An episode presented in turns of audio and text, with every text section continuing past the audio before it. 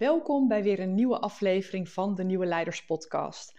Mijn naam is Petra Kuipers en vandaag heb ik een gesprek met Maaike Broos. En Maaike is uh, corporate antropoloog en zij kijkt naar organisaties als uh, stammen met een eigen leefwereld, met eigen gedragscodes en eigen rituelen.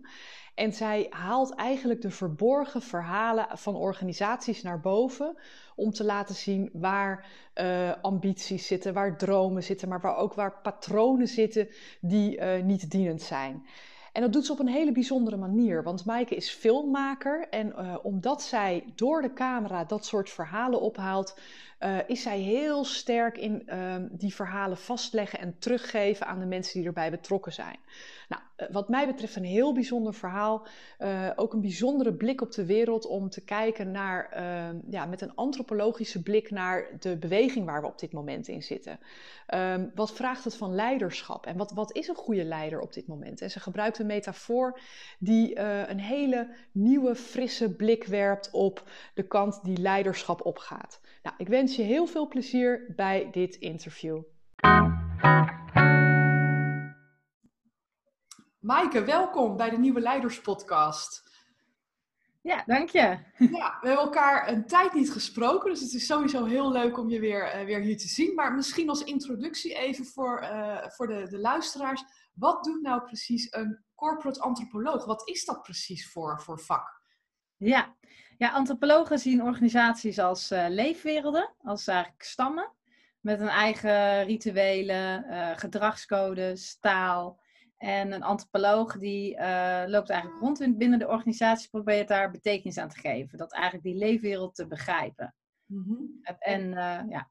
Is dat puur door observeren of, of hoe gaat dat precies in zijn werk dan? Ja, dus dat is uh, eigenlijk door etnografisch onderzoek noem je dat eigenlijk. Dus veldwerk noemen we dat. Dan gaan we eigenlijk het veld in. En we lopen binnen organisaties op allerlei uh, lagen mee. Om echt uh, grip te krijgen over op wat gebeurt hier nou in deze, in deze organisatie. Wat voor patronen zie je, wat voor rituelen. En ja, dat, dat doen we door middel van observatie, maar dat kan ook door interviews. En vanaf mijn studietijd eigenlijk, van mijn afstuderen, heb ik eigenlijk bedacht om dat ook met film te doen. Ja, ja want hoe is die sprong gekomen? Want je bent filmmaker. Ja, ja ik, tijdens mijn afstuderen bedacht ik van ja, waarom eigenlijk die, die organisaties zijn zulke interessante leefwerelden. Mm-hmm. Waarom niet de camera gebruiken als middel om eigenlijk die observaties te doen? En om dat visueel vast te leggen. En daardoor ook die beelden kun je terugbekijken. En daar kun je ook heel veel informatie uithalen. Ja. En, uh, en bij mijn afstuderen heb ik daar gewoon ook een documentaire van gemaakt. Dus uiteindelijk een verhaal. Van wat voor verhaal vertelt deze organisatie?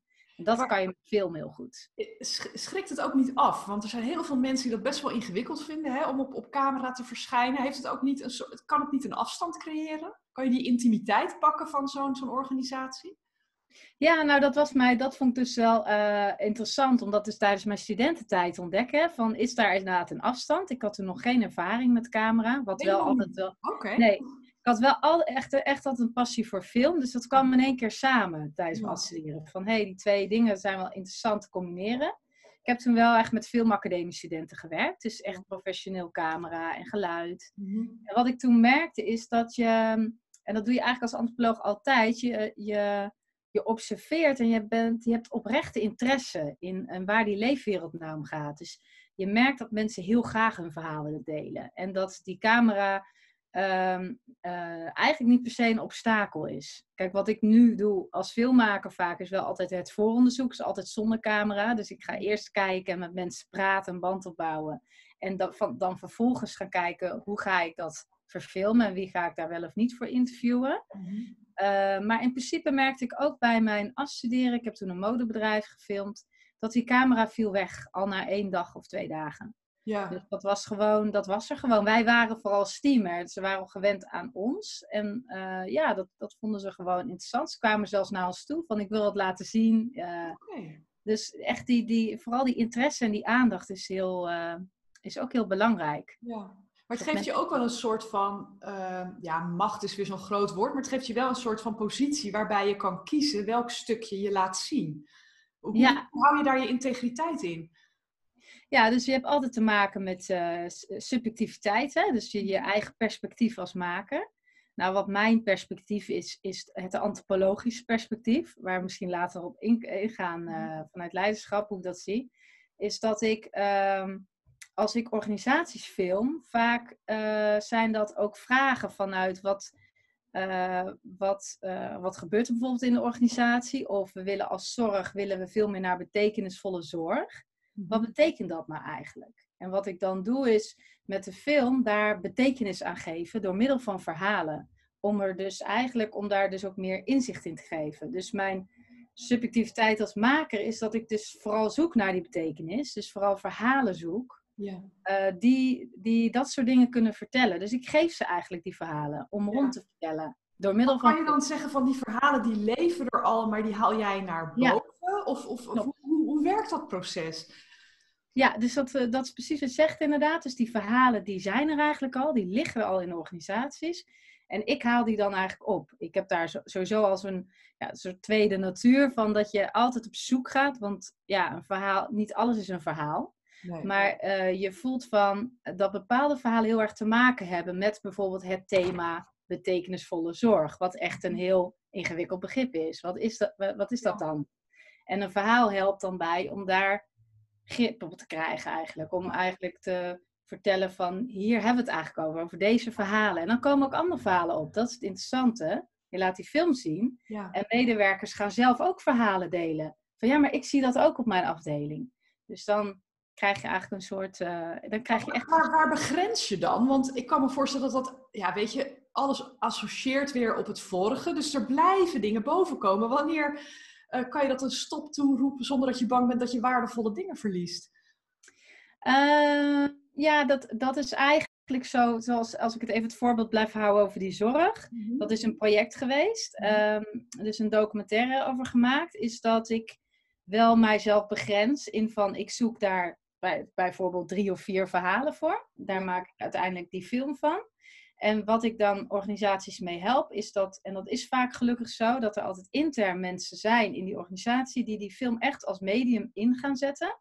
Dus de vervolgstap maken om echt rond te gaan binnen die organisaties en via die film gesprekken te gaan aangaan vanuit eigenlijk de, de, het verhaal uit de film. En dan komen dus die verhalen los, waardoor mensen zelf eigenlijk mee aan de slag gaan. Ja. En dat vind ik heel mooi, want het zet dus iets in gang. Het is een soort beweging. Ja, maar je, je raakt ook meteen aan emotie. Hè? Het is niet iets rationeels van we hebben een visie. En, uh, maar het is, je, je, triggert meteen, je brengt het hoofd en het hart bijna bij elkaar uh, met zo'n film.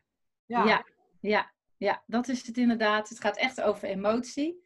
En het gaat ook echt weer over van. Uh, je raakt eigenlijk iets aan waar, wat, uh, wat uh, de, de diepe liggende waarden en normen van de organisatie zijn. Hè? Dus je hebt inderdaad zo'n organisatiemodel, Mint, Pech of Shine of wat dan ook is. Hè? Mhm. Die ui bijvoorbeeld. Je raakt aan de kern van de ui. Waarom mensen ook vaak graag bij een organisatie willen werken. Waarom willen ze bij die zorg? Waarom willen ze bij die politie bijvoorbeeld? Of, dat, daar, zit een soort, daar zit dan hart in. En dat, dat hart wil je raken. Want mhm. daar gaat het eigenlijk over. Vanuit daar wil je uh, dingen beter maken, veranderen. Maar wel vanuit het hart en vanuit dat gezamenlijke begrip.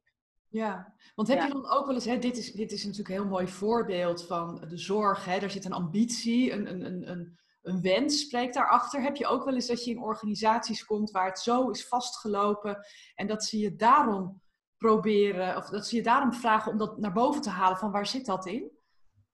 Um, ja, en dat is eigenlijk, um, ik zit even te denken aan een goed voorbeeld. Um, nou, wat ik ook wel interessant vind, uh, om het even, project waar ik nu mee bezig ben, dat gaat over uh, cultuursensitieve zorg. En dat gaat over dus dat uh, de, de GGD's, de opvoedkundigen, hebben vaak een hele westerse blik mm van kijken naar zorg.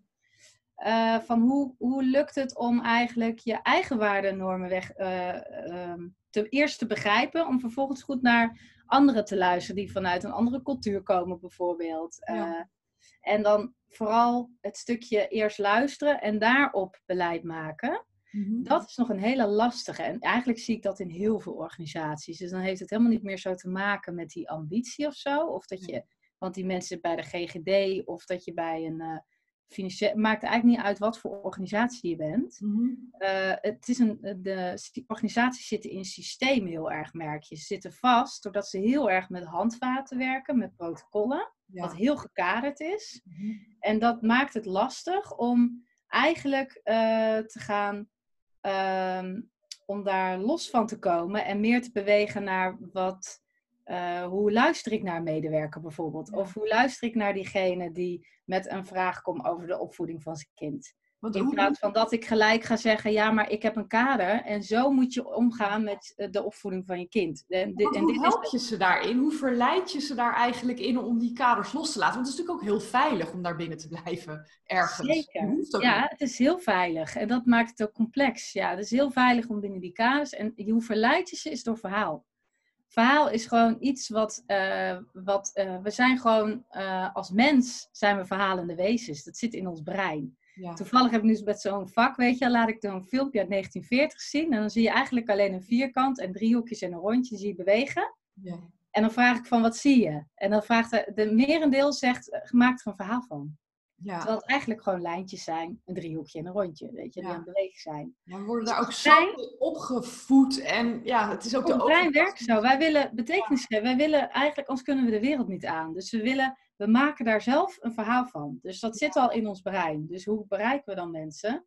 Is vaak door het verhaal. Want dan snappen mensen, oh ja, dit is hoe ik het ook kan zien. Dus verhalen kunnen inspireren om anders te gaan werken, anders Mhm. te gaan kijken naar mensen.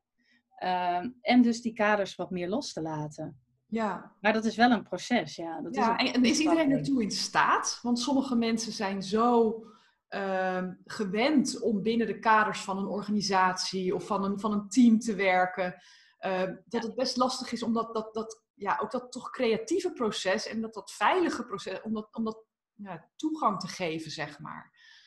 Ja, ik, de- ik denk dat dat, eh, dat, dat, dus, dat dat heel goed kan. En dat dat ook eh, eh, vooral vergt van het vertrouwen daarop en het vertrouwen geven. Ja. En het vergt, nou ja, daar komen we op, leiderschap, bepaald leiderschap. ja. Dus, want leiders, het zit hem ook in het, de vorm van leiderschap. En, en je hebt een verschil tussen een leider en managers. Vind ik ook een verschil. ja. Een soort verschil.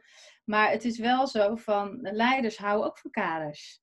En Mhm. die stellen vaak ook, die houden, houden zich ook vast aan die kaders. Dus het is ook weer dat vanuit leiderschap loslaten. Ja. Waardoor medewerkers daar ook op vertrouwen dat ze het mogen, dat ze die ruimte kunnen pakken. Mhm. En dus de, het vergt echt van bovenin de organisatie tot heel de organisatie moet daar door, doordrenkt van worden eigenlijk. Dat je op een andere manier gaat samenwerken. En, Haal je niet soms enorme dingen ondersteboven als je bezig bent? Ehm, ja, ik denk soms wel. In sommige, eh, eh, eh, in sommige projecten heb je wel eens dat je een film laat zien en dat het confronterend is in de zin van, ja, hoe gaan we hiermee om? Weet Ja. je, we, horen dit verhaal en dan is dat vaak de vraag, hè? Van, En- ja, wat moeten we nu doen? En dat is dus een hele belangrijke volstap die ik vind. Want eh, dan is het dus eerst het echt begrijpen van oké, maar eh, wat doet dat verhaal dus met je? En, en hoe zie je dat dan binnen je eigen werkveld? Om ze eigenlijk te begeleiden en daar meer grip op te krijgen. Van hoe luister je dan echt? En hoe, eh, wat voor technieken kan je ze ook weer geven? Dus ehm, ja, dat vergt gewoon meer een soort van. ehm, eh, je moet er meer mee gaan werken. En meer. Doe meer jij dat- doet Ook meer. begeleiden? Doe je dat, is dat juist waar voor jou het werk begint? Wat, wa- hoe, hoe, Ja, met werk begin, eigenlijk leg ik het dan over. Want het is voor mij, eh, ik zit net in het stukje dat ik dus wel adviseer. Daarom gepa- eh, zijn mijn films niet per se corporate films, maar het zijn, het zijn documentaires. Ja, Organisatie antropologische documentaires noem ik het maar. ja. Omdat ik het wel, ik zie het dus wel echt als medium. En ik probeer ze wel dus al echt te helpen met van hoe ga je die film dan inzetten in je organisatie. Ja, En dat lukt echt steeds beter. Ik merk echt dat ik mensen, en je hebt daar mensen voor nodig in de organisatie die dat, die dat kunnen. En die Mhm. dat, eh, ja, die, die dat ook snappen hoe je dat kan doen. ja. En dan gaat dat heel goed. Dan wordt zo'n film wordt echt gebruikt binnen de hele organisatie. ja. In kleine groepjes, film kijken, gesprekken aangaan. Ja, Ja. en dan is dat, is dat is die beweging die je wilt. En dan ga je ermee aan de slag. En dan, ja, dan, dan, eh, dan draag ik het gerust over. Want ja, dat kan ik ook wel voorstellen, want dan is de beweging, de, trein is aan het rijden, zeg ja. maar. Ja, de trein is aan het rijden, ja, dat is heel belangrijk. Ja, dus ik zit vooral in het stukje. Je maakte net zelf ook al het sprongetje even naar, naar, naar leiderschap. En als we even uitzoomen, hè, want dat, dat vind ik dan heel fascinerend, wat er op dit moment allemaal gebeurt in de wereld, binnen Nederland, uh, met COVID, met allerlei ja, polariteiten tegenover elkaar, eh, heel veel geopolitieke spanningen. Als je daar vanuit een uh, antropologische bril naar kijkt, hoe, hoe duid je zoiets nou? Hoe, hoe, zijn daar vergelijkbare verhalen te vinden? Nou, wat ik, uh, wat ik bijvoorbeeld bij COVID heb ik een, ehm, in het begin een artikel over geschreven, een paar, eigenlijk vanuit antropologisch perspectief, omdat mhm. ik daar dingen in zag gebeuren waarvan ik dacht, hé, hey, dat ons het perspectief van antropologen kan waardevol zijn, omdat uh, het een hele, ik noem het maar, een soort van ambiguë situatie is. Ja. Dus hij is gewoon niet, uh, er zijn gewoon meerdere perspectieven nodig om om te gaan met deze situatie, met deze crisis. Mm Dus het is niet eigenlijk alleen een virologisch perspectief. Het is ook een economisch perspectief. Het is een uh, gezondheidsperspectief, een onderwijs. Er zijn zoveel verschillende verhalen. Mhm. Dus eh, eigenlijk is nodig om een soort onderhandeling van die verschillende betekenissen. Want elk verhaal heeft een ander perspectief. Ja. En de kunst is om dan eigenlijk te kijken van hoe maak je de beste het beste besluit eigenlijk op basis van die verschillende verhalen. Want er is niet per se, want elk verhaal is waar. Vanuit het virologisch perspectief is waar maar vanuit de economen ook, vanuit onderwijskundigen.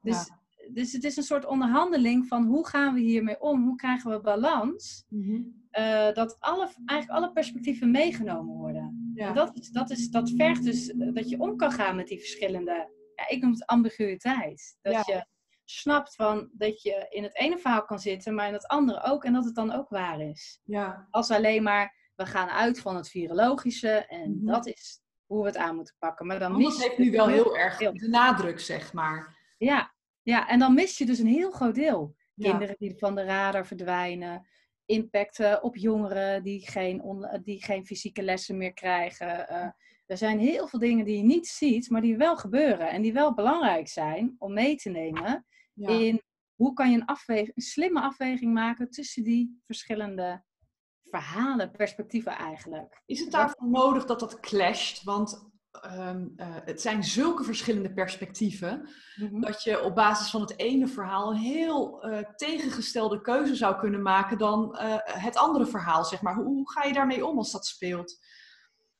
Ja, dat, en dan is het dus zaak om daar dus als zijnde van leiderschap, dat je daar, um, dat je daar tussendoor kan bewegen. Dus dat Ehm, dat je uh, ja, daar betekenis aan kan geven aan die verschillende. Want het, het, heeft eigenlijk ook allemaal wel weer met elkaar te maken. Want als kinderen niet naar school kunnen, kunnen mensen niet werken, draait de economie niet. Dus het is wel allemaal afhankelijk van elkaar. Het, is allemaal, het zit eigenlijk in aan elkaar. Dus, dus daarom is het zo belangrijk om te kijken van wat is nou echt noodzaak en hoe, hè, hoe gaan we daarmee om? En dat is in elk stukje perspectief uh, zit daar andere dilemma's in. Mhm. Dus uh, vanuit de oudere geneeskunde zit daar andere dilemma's in. Hoe ga je om met stervensbegeleiding, dat soort dingen, weet je wel. Dus uh, daarom is het zo, is het echt belangrijk om die verhalen te snappen. Als, als leider moet je daar... De leider om, om die verhalen naar boven te brengen. Ja. Aan de leider om betekenis te geven aan, aan die Betekenis te geven. En, en, en om in de begrippen van de antropologie te, te blijven, noemen wij dat sense making en sense giving. Dus je kan als leider, kan je dus uh, wat je zegt, hè, dus betekenis geven aan wat je hoort in die verschillende verhalen. Maar je kan ook het teruggeven, die betekenis geven. Dat je denkt van, als ik die verhalen zo hoor, is het belangrijk dat we uh, uh, een bepaalde kant op gaan. En daar kan je ook een verhaal in, in de organisatie brengen. Wat weer helpt om daar grip op te krijgen. Dus het is een soort proces van en luisteren naar alle verhalen die je hoort, mhm. betekenis geven en dan weer teruggeven. Dus het is een soort, ja, um, ik, ik heb wel eens een keer een heel goed stuk, het is wel een goede metafoor. Het is als jazz. uh, improvisatie. Dat vind ik een heel mooi metafoor, wat wij als antropologen ook vaak doen. Dus je, uh, je improviseert, dus je, dus je luistert en je kan daarop reageren. Um, en niks staat eigenlijk vast, want je, je staat juist open voor onverwachte dingen. Ja. En dat is heel belangrijk, want daar zitten vaak innovaties in. Of dat nu uh, hè, innovaties op technologie of wat dan ook. Um, dat kan van alles zijn. Maar die, die onverwachte dingen moet je ook voor hebben. Die, die moet je juist, uh, en die hoor je pas als je daar open voor staat. Als je niet alleen maar. Dat als je als leider eigenlijk je eigen meningen, je eigen ego uh, een beetje aan de kant moet zetten tot het moment dat je al die perspectieven tot je hebt genomen? Of hoe, hoe, hoe werkt dat? Ja, als leider moet je dus eigenlijk uh, je dus kunnen bewegen als, als bijvoorbeeld, hè, om uh, even het metafoor van de jazz, je bent geen dirigent. Je bent juist die muzikant die tussen alle uh, ertussen kan bewegen, het kun, kunnen snappen, het goed kunnen luisteren. Aansluiten op de muziek die je hoort. Ja, aansluiten op de muziek die je hoort en dat weer teruggeven. Ja. Via symbolische uh, boodschappen. Dat, en dan moet, gaat het niet per se om het symbool, maar het symbool moet gekoppeld zijn in wat je weer gehoord hebt. Ja. En, en om een voorbeeld te noemen, ik, ik hoorde toevallig een interview met Marcel Levy en dat ging over COVID. Hij is ziekenhuisdirecteur. Mm En hij had een heel leuk voorbeeld. Uh, hij, had, hij zei van, hij had bijeenkomsten voor, voor verpleging en voor artsen over nou ja, wat het met je gedaan heeft, uh, mm -hmm. corona. En hij zei ook van ja, maar eigenlijk die schoonmakers, iedereen moet bij zo'n bijeenkomst zijn. Maar die schoonmakers hadden een drempel, dus die waren niet gekomen. En dat hoorde hij. En toen zei hij van nou, dan plannen we nog een nieuwe bijeenkomst waar zij juist wel weer uitgenodigd worden. Alleen die groep, catering, schoonmakers, mm-hmm. en met hun in gesprek.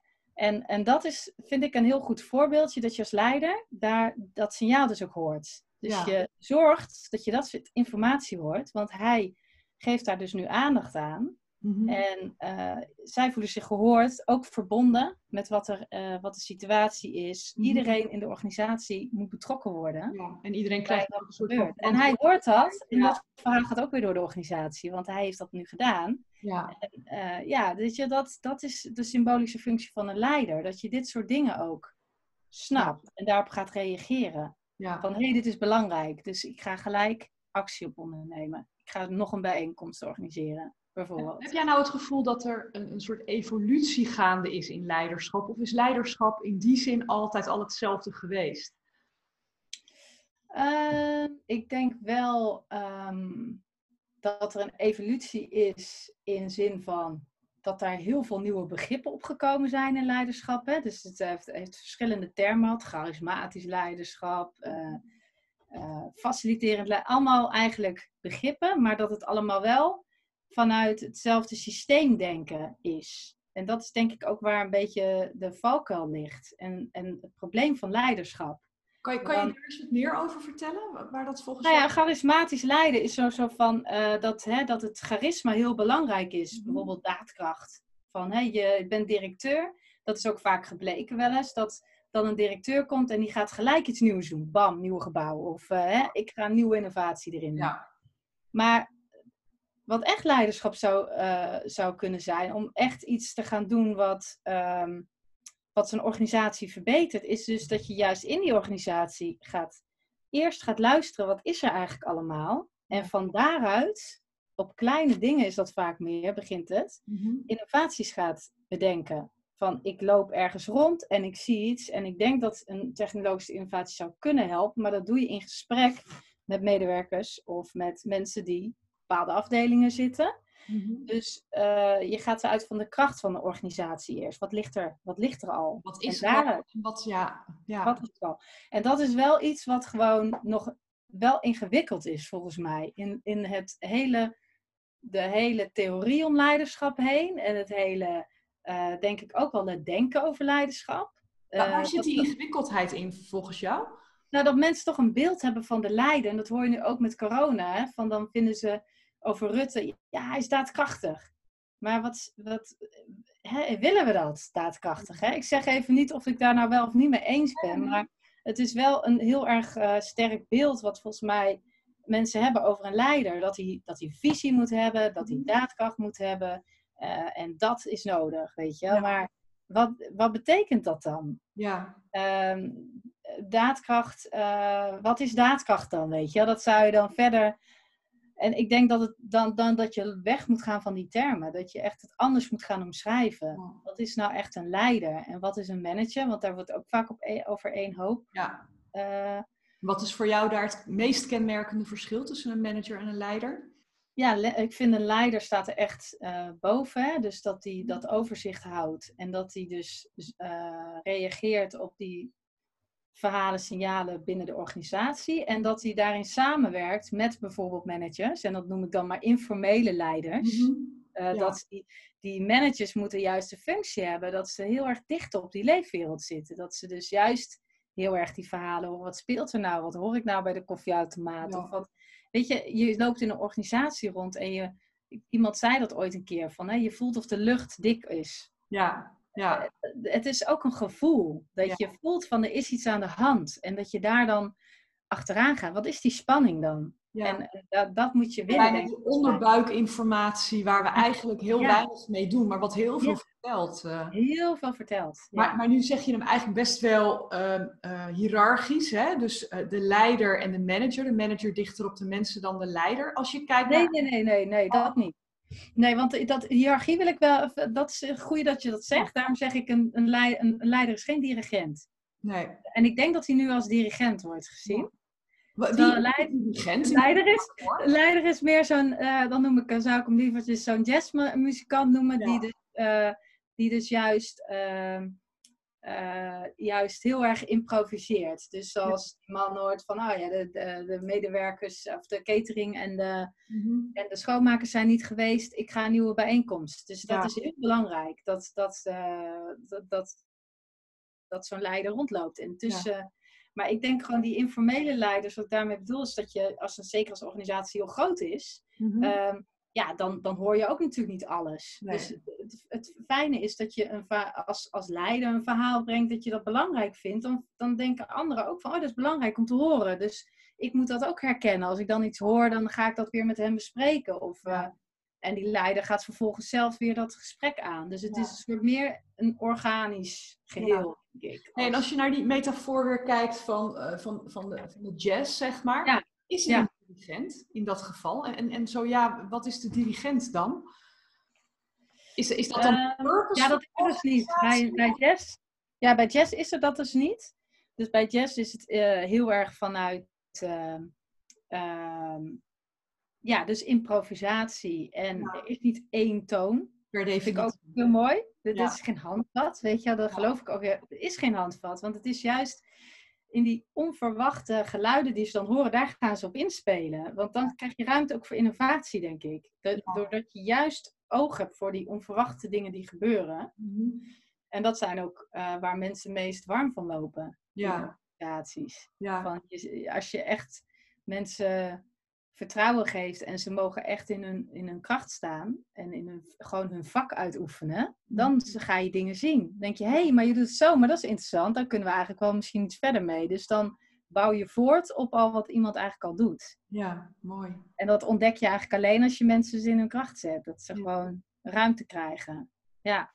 En als ik jou nu als, als filmmaker, als documentairemaker eh, de opdracht zou geven van geef eens een doorkijkje naar leiderschap over 5, 10, 20 jaar. Naar wat voor verhalen zou jij dan persoonlijk op zoek gaan?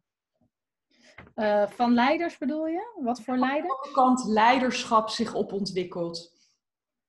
Ja, ik, ik hoop dus dat het, dat het zich gaat ontwikkelen in een. eh, in, in dus veel meer vanuit eh, betekenisgeving. Mhm. Dat is, eh, dat is dus waar, waar antropologie ook heel erg over gaat. En ik denk dat dat wel heel erg helpt, omdat eh, we krijgen zulke ingewikkelde situaties. Hè? Technologie alleen al, wat Ja. daar allemaal gaat komen. Mhm. En hoe we daarmee omgaan. Wat is onze relatie mens-technologie? Het, het zijn allemaal dingen die niet vaststaan, die niet zeker zijn. Dus dan heb je leiderschap nodig die daarmee om kan gaan. Met juist die onzekerheid en met eh, daar betekenis aan kan geven. Dat ook eh, leuk vindt en kan. Ja. En ehm, ja, dus ik, ik denk dus meer, dus, uh, ja, ik noem het maar betekenisgevend leiderschap, ja. zou ik het willen noemen dan. Mooi. Dat ik denk dat die tijden, die tijden komen sowieso aan. Het wordt best onzeker allemaal. En het is echt heel erg belangrijk om daar goede, dus eigenlijk ook als uh, inhoud boven vorm ook een beetje. Als ik in, in, de filmindustrie heb je dat ook. Hè? Dan komt er een nieuwe technologie bijvoorbeeld. En dan kan je in één keer slow motion. En dan wordt alles slow motion. Zonder over na te denken. Ja, Terwijl je moet eigenlijk gaat het dus juist wel om het echt begrijpen ervan. De inhoud. En dat, Dus inhoud boven vorm zou ik zeggen. En echt uh, het betekenis kunnen geven aan wat er nou echt gebeurt. Ja. En, uh, en, luisteren is daar ook een heel belangrijke eigenschap in. Het echt luisteren. De belangrijkste. De belangrijkste, ja echt luisteren. Ja. Dankjewel. Ik vond het uh, heel inspirerend om een keer door die bril naar leiderschap te kijken. En ik wens jou heel veel succes met uh, alles waar je mee bezig bent. Ik hoorde dat je ook storytelling doet op een ROC. Dus dat is eigenlijk iets waar je de volgende leiders ook al mee kan uh, inspireren. Dank je. Ja. Oké, okay, tot ziens. Oké, okay, tot ziens. Doei. Doei. Ik hoop dat dit interview waardevol voor je is geweest en dat het je een hele nieuwe, andere blik heeft gegeven op het thema leiderschap. Ik vind het zelf heel bijzonder om eens een keer uh, door de bril van andere experts naar hetzelfde thema te kijken, omdat het altijd weer nieuwe inzichten, nieuwe ideeën uh, en, en, nieuwe waarden uh, met zich meebrengt. Nou, mocht dit een interessante podcast voor je zijn geweest, dan zou je me ontzettend helpen als je een review wil achterlaten op uh, iTunes en als je de podcast wilt delen in je netwerk. Vind je het leuk om met mij te connecten? Zoek me dan op op LinkedIn. Mijn naam is Petra Kuipers en mijn bedrijf heet De Implementatiedokter. En ik tref je heel graag bij de volgende podcast.